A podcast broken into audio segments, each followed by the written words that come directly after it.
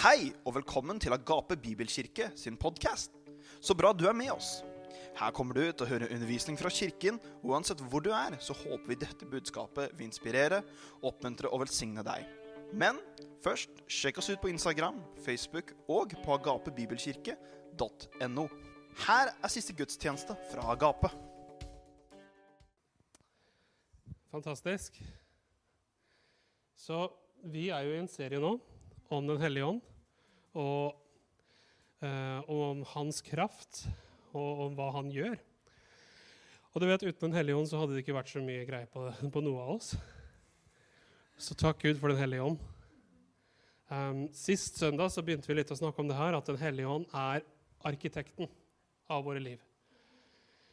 Og det, det, som er betydningen av arkitekt, det er rett og slett det betyr fra latina så betyr det den øverste byggmester.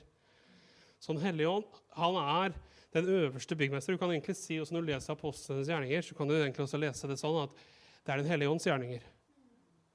For det er også apostlenes gjerninger. Men er, uten Den hellige ånd så er det ingen apostlenes gjerninger. Og Jeg skal gi deg et lite sånn tips hvis du leser Bibelen. Og det håper jeg du gjør. Hvis ikke så blir det samtale. Men når du leser Bibelen, så starter du Nytestamentet med de fire evangeliene. ikke sant? Det er storyen om Jesus' vei til Golgata. Og hans oppstandelse, og han går til himmelen. Bropunktet som går inn i apostelens gjerninger mellom evangeliene, er fra da Jesus eh, har stått opp igjen, til han går til himmelen, og til hva som skjer med disiplene etter Jesus har gått. Ja, da ble det profetslønn i dag. Så. Og det som skjer i apostelens gjerninger Når du leser apostelens gjerninger, så, det, så møter jeg noen troneganger som skiller mellom apostelens gjerninger og brevene. Det kan du ikke gjøre. For alle brevene blir skrevet under tiden med apostelens gjerninger. Iallfall nesten alle. Så du vil hele tiden, hvis du ser noe i apostelens gjerninger, så kan du gå til det og det brevet og så kan du se Paulus snakke om det. Så du kan komme litt dypere noen ganger når du leser Guds ord. For Hvis du leser Apostlenes gjerninger som en egen bok og tenker at den er uavhengig av de andre, det er ikke sånn det fungerer. Nytestamentet, det, alle brevene, alt det her peker tilbake til evangeliene, og, til, og så går det parallelt med Apostlenes gjerninger. Så når du leser, så er det egentlig ganske fantastisk. Hvis du, hvis du får tak i hva som står i brevene, og så begynner du å se det, så vil du forstå mer konteksten og situasjonen rundt. For apostlenes gjerninger er skrevet av Lukas.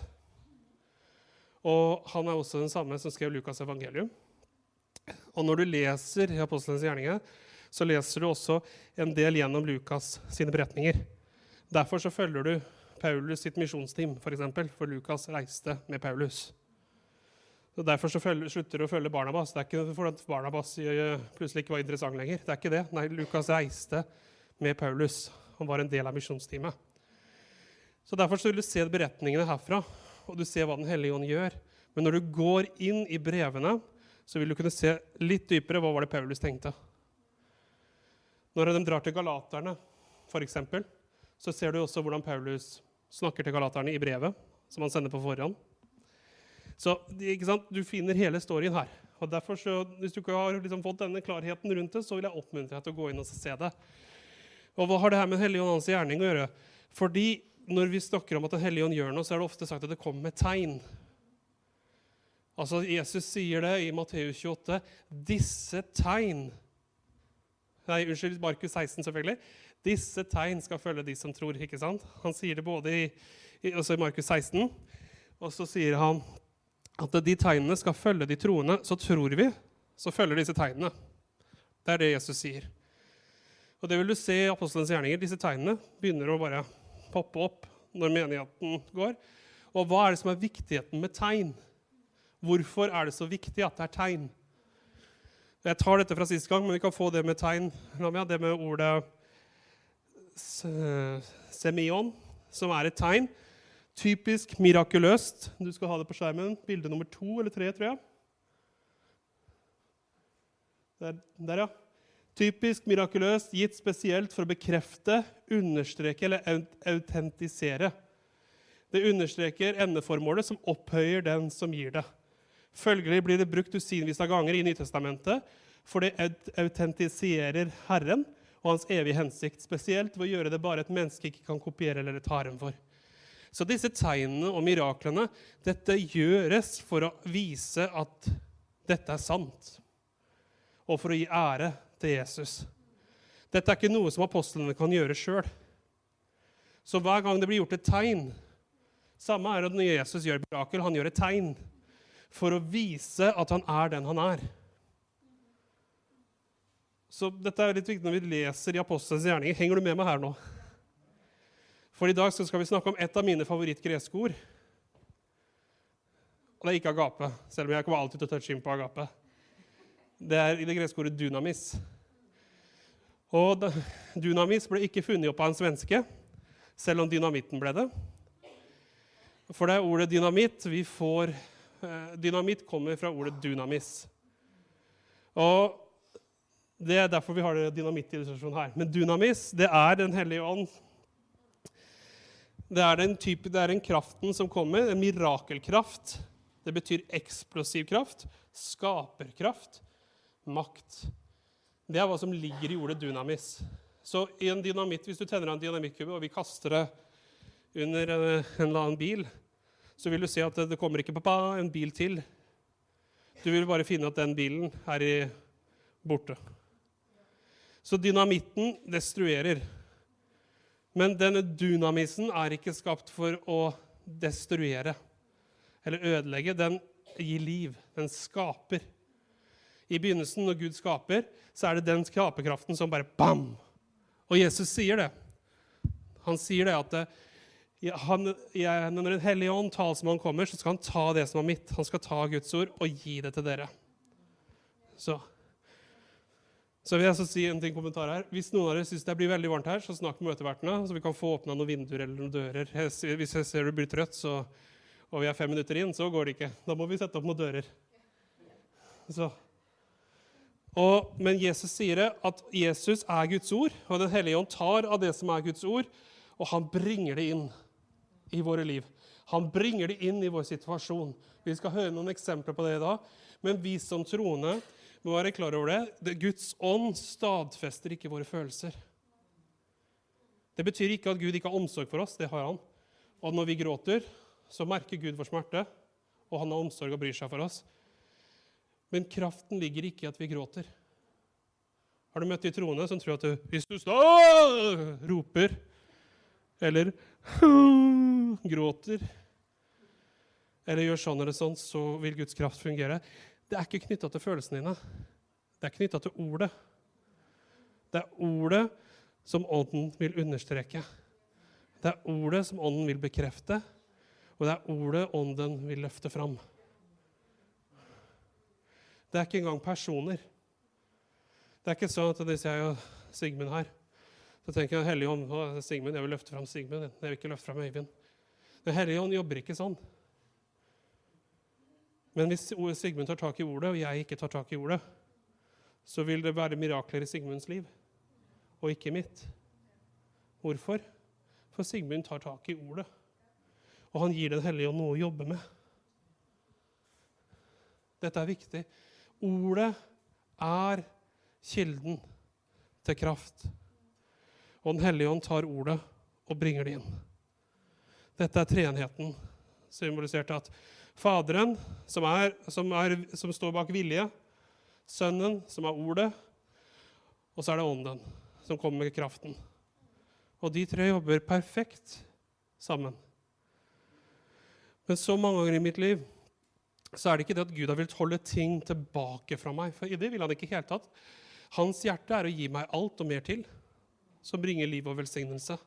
Ikke bare for meg, men for de rundt meg, og for de som ennå ikke kjenner Jesus. Det er Guds hjerte. Men Gud, hvis han skal bruke meg, så må jeg være tilgjengelig for at hans ord kan komme inn i meg. Har jeg ikke ordet, så har jeg ikke gitt Den hellige ånd noe å jobbe med i mitt liv. Og hva, kan jeg spørre deg, hva er det du har mest kamp med som kristen? Det er å lese Bibelen. Hva syns du er vanskeligst noen ganger? Å lese Bibelen. Du kan lese på diverse nettsider. Eller du kan til og med lese romaner.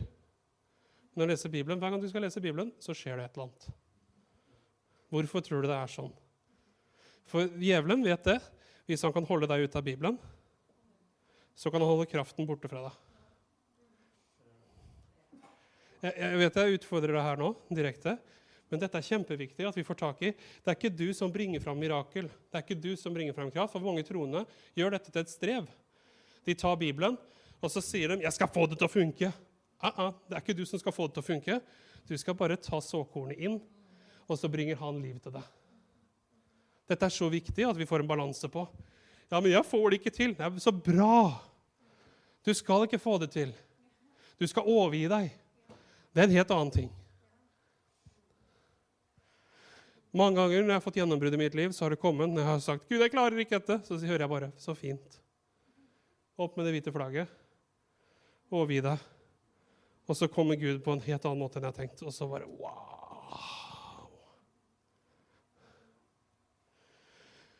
Bibelen snakker om troens lydighet.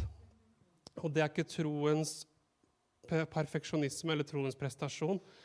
Troens lydighet, og det er det her Troens lydighet er å gå til Guds ord og si OK, Herre, det er sånn som du sa det, ja. Det er du som gjør det. Så når vi snakker om denne dynamiskraften, den blir nevnt 120 ganger i Det nye testamentet. Og det er veldig morsomt. Vet du hvorfor det? For på den øvre sal på pinsedag, hvor mange troende var det der? 120. Så det er én dynamis for hver eneste en av dem i Nytestamentet. Som vil si at det var Helligånds kraft nok til alle som var der. Er ikke Bibelen fantastisk? Det er ingenting som er tilfeldig. Alt bare er så tydelig satt av Gud. Men en, når Den hellige ånds kraft treffer, så er det en eksplosiv skaperkraft som bare tar ingenting og bare gjør det til noe. Det er det samme som når Gud sier 'bli lys'. Boom! Noen tror det var liksom sånn Åh, pip. Nei, vet du hva? Det var boom! Lys. Du hørte det var mørkt. Og så Guds ånd svevde over hånda. Så sa det, da sa Gud. Du kan tenke deg, I det uendelige mørket så hørte du bare 'bli lys'. Boom! Og så var det lys. Det er skaperkraft. Dette er dynamis. Dette er mirakelkraften som Den hellige ånd bringer. Den kraften virker i oss om det er helbredelser, om det er forsørgelser, om det er å hjelpe oss mentalt og disse tingene, sette oss i frihet. Men det er også å reise opp de døde. Den samme kraften, altså den samme dynamisen som virket i Kristus, reiste han også fra de døde, som virker i oss i dag. Den samme kraft. Jeg vil danne en forventning av det her. Ikke en forventning til hva du skal få til, men en forventning til hva Den hellige ånds kraft i våre liv gjør. Enhver vekkelsesbevegelse gjennom historien har alltid vært prop uh, propelled uh, Hvordan sier vi det på norsk?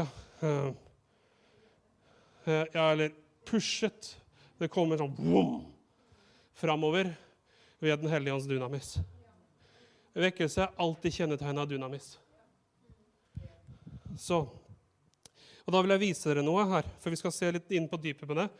Men i Efeserbrevet 1.17-23 La oss gå dit. Efeserbrevet 1.17-23. Da står det det.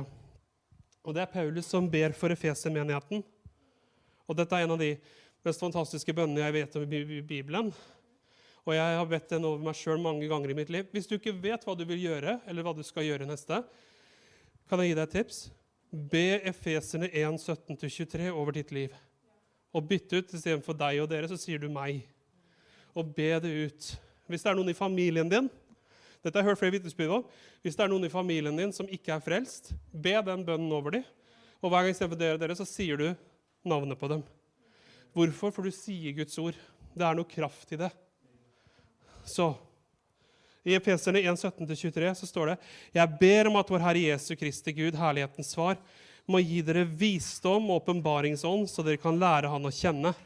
At deres forstands øyne blir opplyst, eller hjertets øyne som blir opplyst, det avhengig av hvilken oversett du leser, så dere kan forstå hvilket håp dere fikk ved hans kall, og hvor rik på herlighet hans arv er blant de hellige, og forstå hvor overveldende stor hans kraft er for oss som tror, etter virkningen av hans mektige kraft. Det var den han lot virke i Kristus da han reiste han opp fra de døde og satte han ved sin høyre hånd i den himmelske verden, høyt over all myndighet, makt, kraft og herredømme, over ethvert navn som nevnes, ikke bare i denne tidsalder, men også i den kommende. Han la alle ting under hans føtter og ga han til menigheten som hode over alle ting, menigheten som er hans kropp, fylden av Han som fyller alt i alle. Og Når vi snakker om det her med kraft, så er det noen ting her. Legger du merke til I denne teksten så er det fire ting. Er du klar for et lite bibelstudium? Se. Ha det godt, Ovi. Fint å se. Så. Men vi snakker, om, vi snakker om kraft. Og vi snakker om mirakel. Men nå vil jeg vise dere noe her, for det er fire ganger her så er det et ord som blir nevnt. Eller det er faktisk tre forskjellige. Det første er i vers 19. Det står 'Hans kraft er for oss som tror til virkningen av hans mektige kraft'. De ordene jeg har lyst til å ta fram her, det er det første ordet er, som blir nevnt, er dynamis. Skaperkraften. Wow! Blir lys. Boom! Lasarus, kom ut. Boom! Det er dynamis. Det, en, det er en uh, det, Tenk deg nå at vi har uh, den setningen, og Den hellige ånd bare kommer og gjør noe ut av ingenting. Boom! Det er dynamis. ok? Henger du med meg? Dynamis. Nå skal du få lære et par andre ord her òg. Det neste ordet har du, har du garantert hørt før, men det er ordet kratos. Har du hørt ordet kratos før? Det brukes i flere ting, men kratos betyr direkte Guds storhet og Guds makt. Og så har du det tredje ordet, som er i vers 21. Og det står under makt og kraft. Og kraft er dynamis igjen, men makt er det samme kraftordet som ledes ut av. Og det, er litt verre for meg å uttale, men jeg prøver. Excusia, exosia, som betyr autoritet. Delegert kraft. Så du har storhet, makt, kratos, eksplosiv skaperkraft, dynamis, og excosia, som er autoritet, delegert makt. Og hva vil jeg med det her? Jo, jeg vil dette her, du skjønner, Helligånd har ikke mange forskjellige krafter. Han har én kraft. Men det beskrives hva slags kraft han har. Så mange av dere liker bil her. To, ok, Det er to personer, tre personer, fire personer. Til og med en som ikke har lappen, løfter opp hånda på like bil. folkens. Ok. Da er du med meg? Så Jeg vil at du skal se for deg en bil. Ok, Du kan se for deg hva slags bil du vil. Jeg skal ikke ta fra deg det. Hvis noen av dere ser for dere en Ford, så vil jeg be for dere. Men, uh, men når vi ser denne bilen, så vil jeg ta dette eksempelet. Okay? Så du har Kratos, som er motoren. Det viser storheten og styrken og wow, alle kreftene som er i Kratos. Så har du det i bilen som akselererer, og gassen. Her får du dynamis. Hm. Dynamos, eller dynamis. Og, men så har du et ratt som må styre. Og her får du autoritet. Delegert makt. Det med autoritet er også det samme Jesu herredømme kommer ut av. Og Når Bibelen sier at vi skal herske og regjere med den ene Jesus Kristus, så refereres det til denne kraften. Så dette her er Den hellige ånds kraft uttrykt. Så det er en side av det som er Guds storhet, hans makt, hans wow, totale av hvem Gud er, og hva han kan gjøre. Kratos. Og i Efeserne 6,10 så står det 'Bli derfor sterke i Herren og Hans veldige dynamis'. Nei, Kratos. Bli sterk i Guds storhet og makt, i Hans fulle styrke. Ikle dere Han. Og er ikke det fantastisk? Det er, ikke, det er mirakelkraft, men det er også hele hvem Gud er, av Hans storhet. Så jeg syns det er fantastisk da, å gå inn i ordet og se. Og når vi snakker om denne kraften her, så brukes dette for å uttrykke nettopp hva Gud er, og hvor stor han er. Og dette er en hellig ånd som virker alt dette fram. Han ene siden, han viser wow, Gud er mektig, han er stor, han er fantastisk. Har du noen gang vært i Guds nærvær, og så blir du berørt av Gud på en sånn måte at du blir akkurat som du blir helt sånn shake i bena? Og så blir det bare sånn Wow, Gud, du er så stor. Så det er responsen som kommer ut av deg. Wow, Gud. Det er ikke bare fantastisk at han gjorde et mirakel, men bare, du bare merker at Gud er så stor. Han er så wow! Fantastisk! Det er Kratos. Du bare får en sånn wow. Du blir helt sånn nesten speechless. Du bare beundrer hvor stor og fantastisk han er, fordi du plutselig ser han. Det er den kraften som bare viser Guds storhet. Excusia er Jeg vet jeg er sendt, og jeg har kraft. Det er akkurat som om du får PIN-kode og kort til noens andres bankkonto. Du trenger ikke å bekymre deg for hvor mye penger som er på kontoen. Det høres ikke det deilig ut? Men din jobb er å bruke det. Det er eskusia. Så når Jesus sender oss ut, så er det et ordspill her mellom dynamis og ekskusia. Du er sendt, og det kraften er i navnet Jesus. Husk, Den hellige ånd understreker alt som er fra Jesus Kristus. Han tar av det som er Jesus sitt, og han gir det til oss. Han, dette er delegert makt, det som vi har fått. Det er derfor du vet når Paulus, nei, unnskyld, Peter og Johannes i Apostelens gjerninger 3, så kommer de. Så sier en mann, 'Kan jeg få noe? Har dere noe penger?' Så ser Peter på han. 'Se på meg.' Og så står han der, løfter blikket og ser på dem og forventer å få noe. Sølv og gull det har jeg ikke. Men det jeg har Excusia. Det gir jeg deg. Og så tar han i hånda. Kan, nå låner jeg deg. I Jesu Kristi Nazarenes navn, reis deg opp og gå. Wow! Det er den makten, kraften. Og her kommer dynamis. Da står det at kraft kom inn i bena hans. Da kommer dynamis. Så det er kraft til å gå og stå og gjøre, men så er det kraft til å stå i Guds storhet. Og det er også det vernet over våre liv. Men så er det dynamis som er wow, ut av ingenting. Og grunnen til jeg snakker om det her, Hvorfor tar jeg alle disse greske ordene? Trenger du å lære det? Du trenger ikke å lære de greske ordene, men det du trenger å vite, er at denne kraften er tilgjengelig i dag. Men jeg gir deg de greske ordene for at du skal forstå hvor dette kommer fra. Det er ikke noe jeg har funnet på. Dette er noe som står i Bibelen. Veldig mange av oss vi lever beseira fordi vi ikke vet at Gud har gitt oss kraft. At vi ikke har fått delegert kraft. At vi ikke har tatt tak i dette her med dynamis og latt Den hellige ånd få, få vise oss det. Han vil gjøre langt utover det vi ber og forstår, etter den kraft som virker i oss. Etter dynamis. Henger du med meg her? Folkens, som troende så burde vi forvente å se dette i våre liv. Og det er min utfordring til deg. Ikke ved strev, ikke ved prestasjon,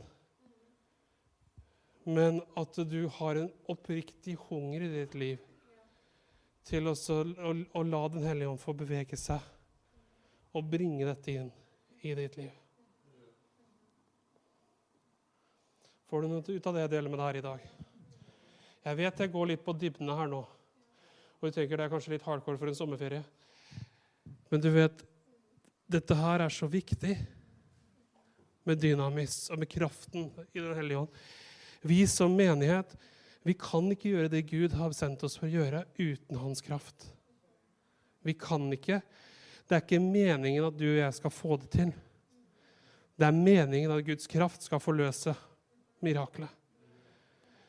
Du vet, Menigheten i Jerusalem den var forfulgt, den ble satt i fengsel. Hva skjedde når den ble satt i fengsel? Den hellige ånd sendte en engel og brakte dem ut av fengsel. Putta dem i fengsel, hele fengselet rista, alle kom ut og ble frelst. Altså, dette var som skjedde i apostlenes gjerninger.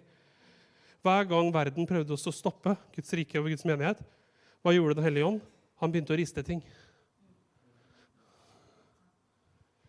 Det er en kraft. Og du vet, Står vi for evangeliet? Ja, det kan være tøft, særlig nå. Nå, nå, nå er det ting og krefter som beveger seg, som virkelig ønsker å kvele de troende stemme. Og det koster å følge Jesus nå. Det gjorde ikke det på den måten for 20 år siden som det gjør nå. Og det vil være Vi kommer til å kanskje bli satt i prøver som vi ikke vil være i. Men Paulus sier det, at hver den som vil følge Jesus Kristus, han vil bli forfulgt. Og da må vi vite hvor vår styrke er. Og Paulus sier at det er bedre for oss å bli forfulgt pga. evangeliets skyld enn for noe galt vi gjorde. Hvorfor det? For når vi går for evangeliets skyld, så kan vi også vite at som Daniel, som ble kasta i løvehulen, så vil Gud slokke gapet på løvene. Henger du med meg her i dag? Så, det, så Jeg har lyst til å ta noen punkter her veldig kjapt på Dunamis. Men Dunamis bekrefter evangeliet hver gang. Forkynner du evangeliet, så vil Den hellige ånd begynne å jobbe. Så vi kan få første punkt her. Dunamis bekrefter evangeliet. Det neste og, eller nei, jeg kan Før vi går dit, så sier jeg Men 1. Korinterne 1,18 Du trenger ikke å slå det opp, jeg skal bare lese det. 1. Korinterne 1,18 For ordet om korset er dårskap for den som går fortapt, men for oss som blir frelst, er det Guds dunamis. Kraft. Wow. Så folk syns vi er tåpelige, så so what? Vi har dunamis. Det er hva Paulus sier. Og så Grunnen til at vi mange ganger blir fortvila og mismodige, og alt det her, det finner vi i Matteus 22, 29, og det er det her. Jesus sa til fariseerne, dere kjenner verken Skriften eller Guds kraft. Derfor går dere vill. Og det er akkurat det. Vi trenger å kjenne ordet. Min venn, den beste investeringen jeg gjorde, var minimalt med sol og lese Bibelen i to måneder. Jeg var neonfarva, men det gjør ingenting, for på innsiden så var det enda lysere. Det var min første sommer etter jeg hadde gitt meg over til Jesus. Og det, det la et sånt fundament i mitt liv. Ingenting kunne stoppe meg når jeg kom tilbake på skolen. De hadde drevet to måneder med fyll og fest. Jeg hadde vært to måneder i Guds nærvær. Jeg følte meg som Moses på fjellet da jeg kom tilbake. Det var ikke snakk om. altså. Første dagen på bussen jeg reiste meg og sa Hør, sa jeg. Wow! Dunamis. Og den bussen ble fullere og fullere med troende. Og folk sa til meg, 'Du er jo helt fanatiker.' Så sa jeg, 'For Jesus, ja, men du kommer til å huske hva jeg sa til deg på den siste dagen når du står for den hvite trone', sa jeg, 'hvis ikke du vender om'. Boom! I Guds nærvær så kom jeg ut som en propell, og det er dynamis. Det forandra livet mitt. Og det var ingenting i verden som kunne ta meg ned da jeg gikk i det. Lærerne tok Bibelen min, konfiskerte Bibelen, jeg gikk og henta den tilbake. Så sa jeg til du ikke hindre Den hellige ånd, sa jeg til læreren. ikke, ikke, gjør det, Lamia. jeg vet at du er den som er i faresonen for å gjøre akkurat det der. men det er noe med det at ja, du blir bold, du blir dristig, men Den hellige ånd gjør deg sånn. Så, så, så, når du vokser, så får du litt visdom, og det er også veldig velkommen etter hvert. Men dunamis får ting til å skje. Det er det som er poenget. Og alle de ungdommene vi så komme gjennom den tida, kom ut av det der. Av Den hellige ånds kraft som bare boom! Det var folk som prøvde å gjøre narr, og etterpå så kom Den hellige ånd og besøkte dem om natta. Og så gråt de, og så spurte de hva som skjedde for noe. Fordi de plutselig opplevde at de ble helbreda i hjertet sitt. Hvis du ikke gir etter, og hvis du står for evangeliet, så kommer Helligånd til å stå for det du sa.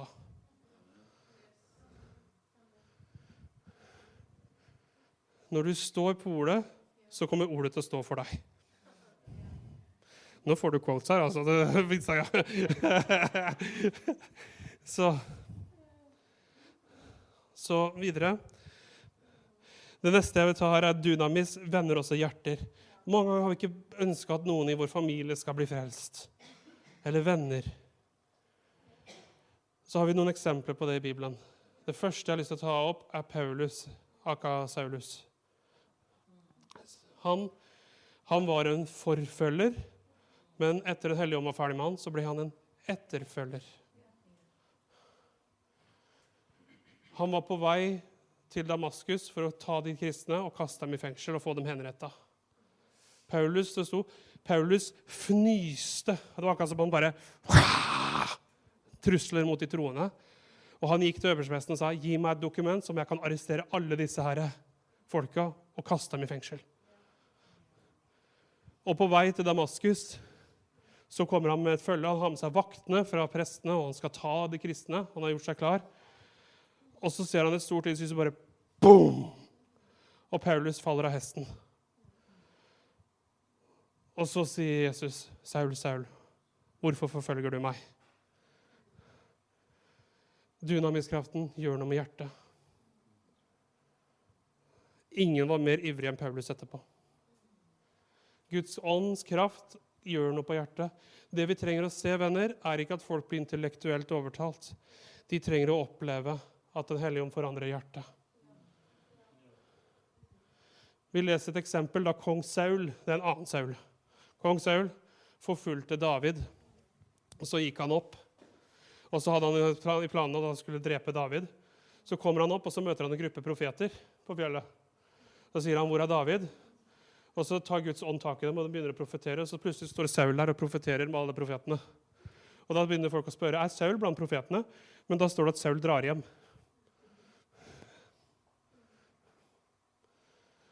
Altså, Det skjer noe med hjertet når du går i Guds nærvær. Saul dessverre, han omvendte seg ikke. Du må fortsatt ta et valg. Men når du kommer innenfor Guds nærvær, så, får, så det som hindrer folk, blir tatt bort. Til at folk kan få velge. Mange ganger så er det det vi må ta. Ikke liksom ha en brytekamp intellektuelt. Vi vinner ikke hjertene med det. Vi er avhengig av å gi dem ordet og Den hellige ånds kraft. Boom! Ta bort det som hindrer slik at folk kan velge Jesus. Det var det apostlene gjorde. Det står at det var ikke alle som ga seg over, men det sto at hele folket holdt dem høyt i ære. Og daglig la Herren dem som ble frelst, til menigheten. Det er noe med det at med Den hellige ånd, Jeg tror at Den hellige ånd leder oss så praktisk at han vender hjerter. Bare de får gitt dem det de trenger. Ordet. Et tredje, et tredje, eksempel. Henger du med meg fortsatt? Er du våken? Trenger du et dynamiststøt? Det trenger du uansett. Jeg trenger det hele tiden. Men det tredje, og det er i Johannes evangeliet, vers, kapittel 1 og vers 17. La oss lese det. Johannes 1, 17. Jeg har lyst til å ta det opp her. Johannes 1, 17. Og da står det det. Om det er en døper Johannes og, og Nei, unnskyld. Lukas 1,17 var det. Jeg sa feil. Lukas 1,17. Selvfølgelig. Jeg tenkte på Johannes, men så sa jeg det er jo om døperen Johannes vi skal lese, så da skjønner du hvor feilkoblingen gikk. Men Lukas 1, 17, så står det om da Johannes ble født. Det er jo en parallellhistorie mellom han og Jesus. Og de var også fettere. Men det som blir talt over Johannes, er det her som blir profetert over. Han skal gå i forveien for Herren, altså for Jesus, med samme ånd og kraft som Elia, for å vende fedrenes hjerter til barna og gi ulydige det sinn som rettferdige har, og for å gjøre i stand for Herren et vel forberedt folk. Det var hva Kalle Johannes fikk. Det ordet kraft igjen er dynamis. Han skal gå fram med det. Men hva var kraften for? Og den her er litt sånn skarp, men det er noen hellige ånd det var for å vende fedrenes hjerter til barna, ikke barnas hjerter til fedrene. Og nå skal jeg forklare det. For hvis du leser konteksten her, det som skjer rundt, så faren til Johannes hette Zakaria. Og Zakaria hadde arvet sitt navn av sin far. Og de, dette var et familienavn som de ga ned. Og engelen erklærer du skal kalle sønnen din Johannes. Og folk sier men det er ingen i din familie som heter Johannes. Dette blir jo helt feil. Vi må jo ta vare på det som har vært gjort før. Tradisjonene. Vår families identitet. Og engelen sier, 'Fordi du ikke trodde mine ord, så skal du bli stum'. Og han var stum helt fram til de skulle ha gutten var født. Og de skulle omskjære han, og så spurte de hva er navnet. Og så kona sier Johannes. Så jeg på den situasjonen, så sier, så ser alle på Zakaria. Hva skal det egentlig hete? Så henter de en tavle til ham, så skriver han bare 'Hans navn er Johannes'. Og når han gjør det, så blir Johannes løst. Han blir fri. Nei, unnskyld, Zakaria. Nå går det i surr her. Det er varmt. Zakaria blir løst og fri og begynner å prise Gud. Og han kommer ut med en fantastisk lovprisning. Det var eh, et budskap i det her. Og det er noen ganger folkens, at vi må la Den hellige ånd hele tiden få vende hjertet vårt, så at vi ikke gjør oss hard og fast i det vi kjenner, og at vi ser neste. Neste generasjon. Saka Johannes brøt med alt Zakaria og de hadde gjort. Men du ser hvor hvilken velsignelse det ble for Zakaria når de anerkjente Johannes og hva Gud skulle gjøre gjennom livet hans. Dette er en nøkkel for oss. Den ungdomsgenerasjonen som kommer etter oss, er annerledes enn vår.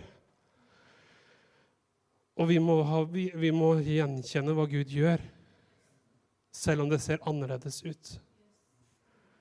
I mange menigheter nå så er det en kamp som pågår mellom generasjonene om hvilken sangstil, om hvilket uttrykk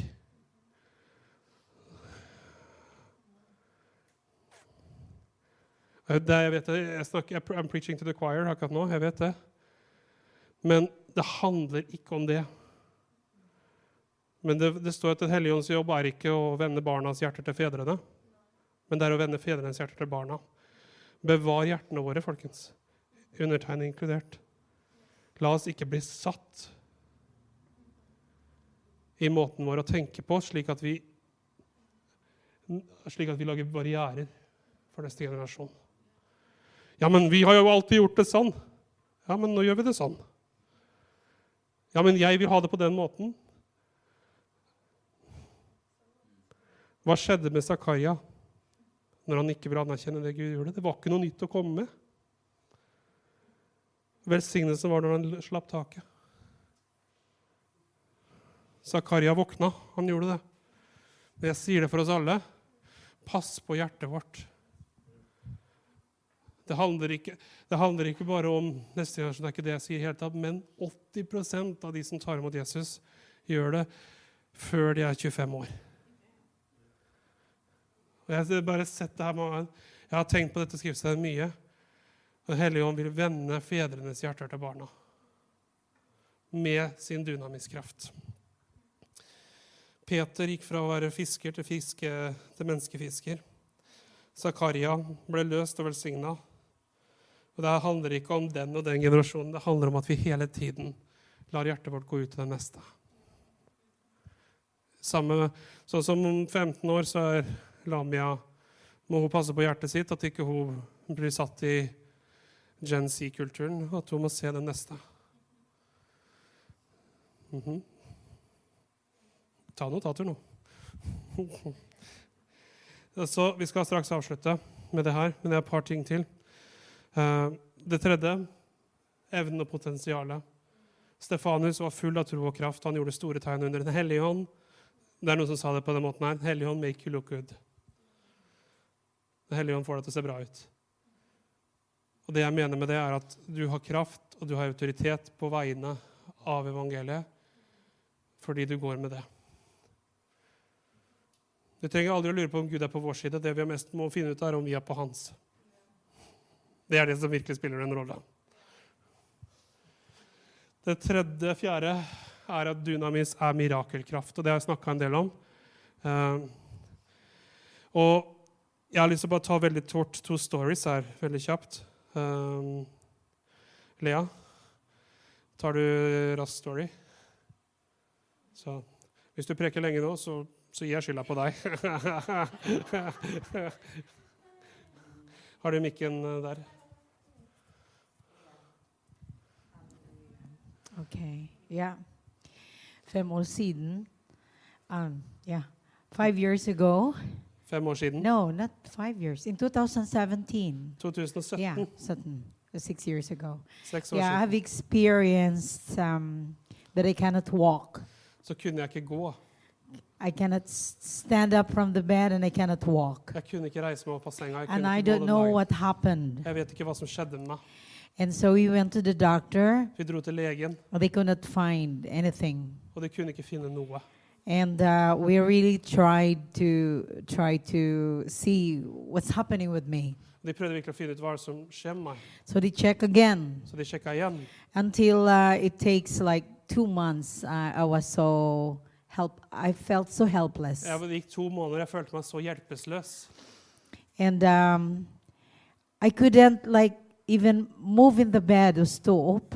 Jeg kunne ikke engang bevege meg nesten ut av senga eller stå opp. And when you don't, if you cannot do anything for yourself, especially for yourself, you will be really felt helpless. så føler du deg virkelig hjelpeløs. Um, to the extent that I'm ashamed to ask my husband Altså det, følte nesten skam å så spørre mannen min and my son, og min sønn, but they were always there for me. men de var alltid der for meg. So, of course, Så selvfølgelig I always have my Heavenly Father. så har jeg også min himmelske far. But at the time, uh, Men på I den felt tiden- so like down. Men jeg følte meg så nede. I just cried to the Lord at the same time, so down. Og jeg bare følte meg liksom, jeg bare gråt ut til Gud. Jeg følte meg så nede. So, but there was one time that um, I said, Lord, I cannot stand having this anymore. Herre, jeg klarer bare ikke å ha det slik noe mer. You have been faithful to me, but you have been so good since I was a little Og du har vært så girl. trofast og god mot meg siden jeg var en liten You healed me Du helbredet meg all, all the time. hele tiden. So at that time, I decided, okay, love, I'll go to you, with you to church that So- Sunday, Så jeg bestemte meg og sa ok, kjære, jeg skal bli med deg til menigheten denne søndagen. July 23, nine, uh, 2017. sa jeg igjen. July. July 23, 23rd of July. 23. juli tj- 2017. And it was my som frik- prikte. Og det var meg som prekte den søndagen. So I was sitting at the back, Så jeg satt bak i lokalet. but I walked carefully like a duck. Men jeg gikk så forsiktig som en and. I don't want anybody to know that I was sick. Jeg ville ikke at noen skulle vite at jeg var syk. So I told, even when I get into the church, I said, Love, don't hold me. Men når jeg, når jeg kom inn i kirka, så sa jeg kjære, ikke hold meg. Sometimes, you know, we're swallowed by pride, Så vet Noen ganger så er vi litt stolte. especially you are in the worship team Spesielt når du er i lovsangsteamet. and you have been, uh, you know, been like, you age in the Lord. Du vet når du er blitt litt mer moden i Herren. So I, but I said, Lord, Men sa, Herre, I'll just sit at the back. bare setter meg bak. I know you will heal me. Jeg vet at du kan helbrede meg. Today is my day. Og i dag, jeg vet at du vil helbrede meg, for i dag er min dag. Yeah. So uh, when Maya was preaching, Og Mai forkynte, the Lord was working in my heart. så satt Herren og jobba i hjertet I mitt. really felt it was my day. Jeg kjente virkelig at det var min dag. And then the Lord led me to to uh, to altar call. Og så leda Herren Mai til å ta et alterkall. I did not go Og jeg gikk in ikke, front. jeg gikk ikke fram, It was there before in the church there. for det, det var i det gamle lokale bybygget. And I said, Lord, even if I sit here at the back, you will still heal me. Så sa jeg, Herre, selv om jeg sitter her, så vil du fortsatt But helbrede I meg. really heard the voice softly but author- with authority. Men jeg hørte en mild, men ty en, en tydelig stemme som Go sa, forward. gå fram. And then she never stopped al- calling altar call. Og hun stoppa heller aldri å kalle folk fram til It takes alterkallet. time. Det tar tid. And so I think uh, that was for me. Og jeg tror det var for meg. And I, I also believe that the Holy Spirit helped me. Og jeg tror også at Den hellige ånd hjalp meg. Because sometimes when, when we are too proud to move, Fordi noen ganger når vi er for stolte til å bevege oss, even though we know that God is leading us, og selv om vi vet at Gud leder oss, the Lord is so gracious. så er, Gud, så er He will- Herren så He will carry us Han there vil hjelpe oss og bære oss where der, we are meant to be. hvor vi er ment å være. It is all by His grace. Det er alt ved Hans So finally, I, said, I felt so ashamed by the Holy Spirit. Så jeg følte meg så skamfull. And then I said, I, I thought, um, nobody has forwarded yet. Og så, det, det, sa til Gud, det er jo ingen som har kommet fram ennå. I, felt awkward. I'll be the first. Så her må jeg være den første. So um, okay. Så, So I, I go. I went forward. så da gikk jeg da fram. I, I swallowed a little bit of that pride. Så jeg svelger den lille, eh, li- litt av stoltheten min. I still carefully walking there Jeg går veldig forsiktig fram dit. And then I pray. I said, Lord, Og så ba this is this is my portion. Herre, dette er min del, Today's my day. og i dag er min dag. But still I was in pain. I couldn't lift my hand. I couldn't move like that. Jeg hadde, sto der, jeg hadde fortsatt vondt, jeg kunne ikke løfte armen, jeg kunne ikke bøye meg. And then I think at that time the Lord wants me to obey him Og så tror jeg at Herren ville at jeg skulle and adlyde act ham. in obedience really forward. Og så begynte jeg å gå like framover. Yeah. Gå sånn som det. Because after I forwarded, many co- came forward. Så etter at jeg gikk fram, så So I was begynte the andre- first. flere å komme fram. Men jeg var den første. So they, they were prayed over, Og så de ble alle bedt over. and uh, I was waiting for my to, to pray for me. I, I, I claim my portion. Og jeg venta for at noen skulle be for meg, og jeg, hadde, jeg tok eh, grep min del. And, um, and then later, Mai came and she prayed over. Og litt senere så kom But Mai before that, I remember the Lord just said a word through her and said that um, Herren sa et ord gjennom henne. the Lord is going to heal you. Han sa Herren skal helbrede deg. The Lord, but she did not know that I was sick. Men hun visste ikke at jeg var syk. Nobody in the church. Ingen i menigheten visste at jeg var syk. And um, the Lord will heal you where, or whatever your need is. Herren vil helbrede deg uansett hvilket behov det. The, you have it today, du har det i dag. it. like that. Take it. Ta det. So, but she was not telling me. No, she was just saying there for everyone. Hun, men hun sa det ikke til meg. Hun sto bare foran said- og sa det til alle. Lord, that's my, that's me, that's mine. Og så sa jeg, Herre, det er meg. And then when she came Og så kom to hun. pray for me, Og for å be for meg. she she told me what uh, what I want to pray for. Hun spurte hva jeg skulle be for. she, she, but I think I just cried. I don't know what happened. I did not tell her. I think I just. Eh, Jeg husker ikke pray, hvem jeg sa det, yeah. men hun bare ba. She just claimed. She just prayed for me. Hun bare ba for meg. And then after that prayer, I was still in pain. Så følte jeg vondt. I heard the voice. Så hørte jeg stemmen igjen.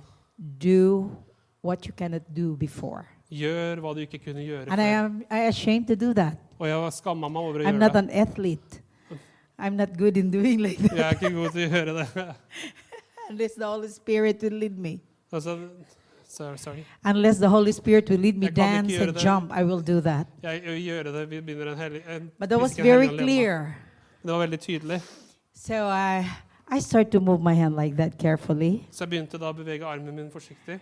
And then it's okay. Og så OK, It's painful, det jo vondt. and then I start to do that, and I Men så begynte jeg å I was det able her. to lift it up, Og jeg kunne jo ikke engang løfte but it was painful. Det- Jeg and I couldn't do løfte that. opp, men det var, men det var vondt. Men jeg So I klarte det start to ikke do that, Så jeg begynte da å and gjøre both dette hands, med begge hendene. and until I, I feel like something was f- falling down. Og det var akkurat som noe som bare falt ned So av I meg. start.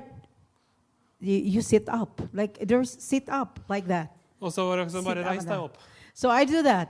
Så jeg, I så jeg begynte sånn å like sette meg sånn. I was ashamed because I'm not, I'm not Jeg følte skammen, men jeg gjorde det. you know, I'm so formal. I don't. Du vet, Jeg er så formell, jeg liker ikke å gjøre det. So I do that, Så jeg gjør det. and then I think the Holy Spirit helped me to exercise that day. Og så tror jeg Helligånd hjalp meg å trene litt den dagen. Really, like she, he, Holy, he me like that. Så han fikk meg til å gjøre sånn. Så jeg sto sånn. Yeah, I did until down and down, Helt, og helt opp. Og, like that. Og begynte å hoppe og gjøre det her. And «Hva what skjedd?»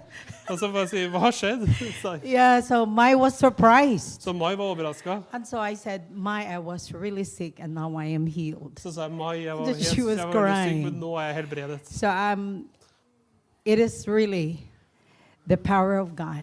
Så det er virkelig Guds kraft. So I just give all the glory to, to the Lord, and we're able to. I was able to walk that day, Og det kunne da gå den dagen. not a duck anymore. Ikke som en and, I was totally healed, men jeg var fullstendig and my husband helbredet. was a witness. Og jeg min mann er også vitne. So I give glory to God. He's, ære til Gud. he's working. He never stopped working. Og han jobber, han yeah. stopper aldri arbeidet. Only, only Him. Sometimes only God can do that. Bare Gud kan gjøre det. Sometimes He wants us to, yeah, just obey. Noen ganger så vel jeg også at vi bare skal adlyde han. Amen. Amen. Det kan ikke vi klappe for.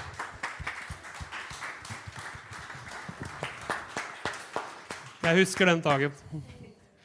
Det var noe i morgenen da, så ble jeg veldig minnet om det. Så det, jeg synes det var tusen takk at du delte det med oss. Det er dunamis. Det er Helligånds kraft.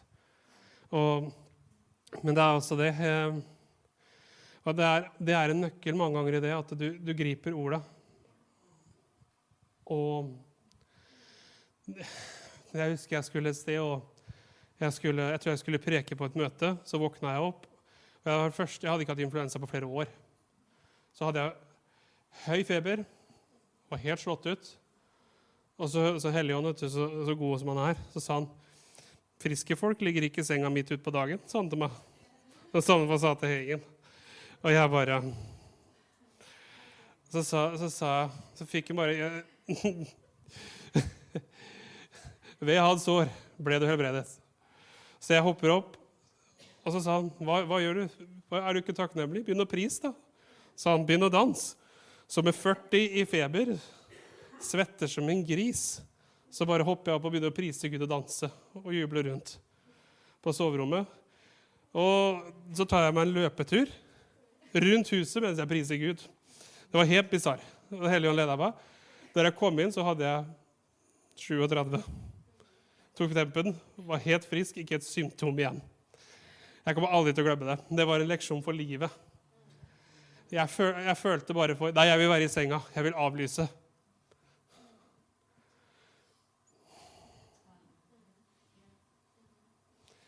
Det er ikke jeg som tok en løpetur som gjorde meg frisk. Noen ganger så kan det være litt rart, det Den hellige ånd ber oss gjøre. Men hvem av oss hadde ikke tatt en løpetur rundt huset hvis det hadde hjulpet oss? Mm?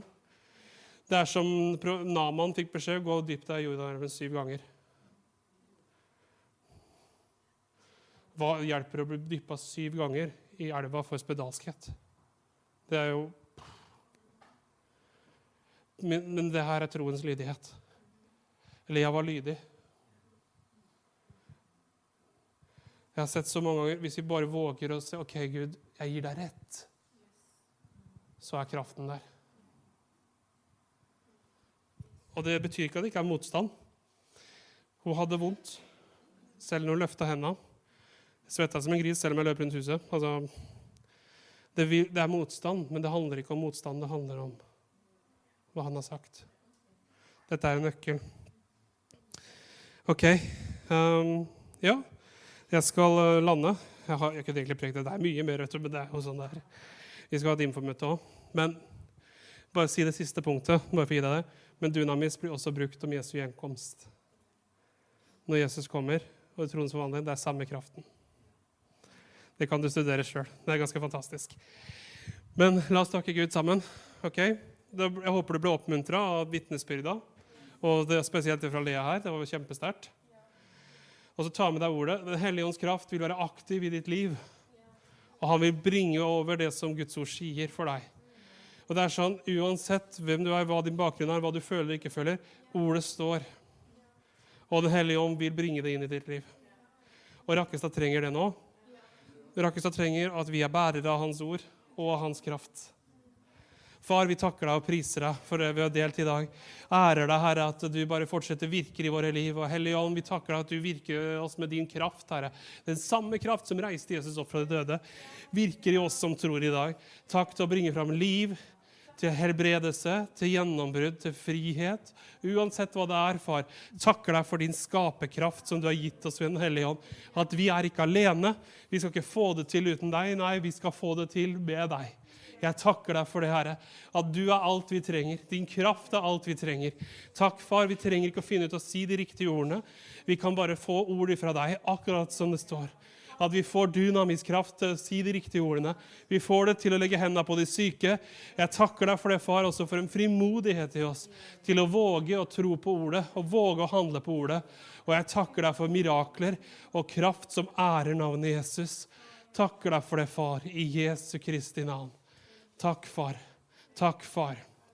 Halleluja. For gjennombrudd nå, for noen som skal ta steget ut. Slutt å se på omstendighetene. Begynn å se på ordet. Og la kraften få lov å helbrede deg. La Jesus Kristus helbrede deg. Mm. Mm. Takk, far. Mm. Jeg bare opplever det her altså, jeg, jeg, skal ikke be for deg nå, akkurat nå med hans påleggelse i dag. Men det jeg har lyst til å utfordre deg, hvis det er noe du trenger fra Gud, og du har trodd ham lenge og kanskje du har gitt opp, jeg vil oppmuntre deg å gå inn i apostlenes gjerninger og les om hva Guds ånd gjorde for å sette folk i frihet, for å helbrede hva det enn du står i tror for. Gå inn og se på det, studer det, tenk på det, og la Den hellige ånd begynne å snakke til deg gjennom ordet. For det er det du trenger, min venn. Du trenger at, du får tak i Guds kraft gjennom ordet. Og han vil gi det til deg. Han holder ikke noe tilbake fra deg. Hmm. Takk, far. Det blir flere vitnesbyrd av hans kraft. Amen. Tusen takk for at du var med oss i dag. Vi vil gjerne høre fra deg og vite hvordan vi kan be for deg. Ta kontakt med oss enten via sosiale medier eller på nettsidene våre, så håper vi at vi ses ganske snart.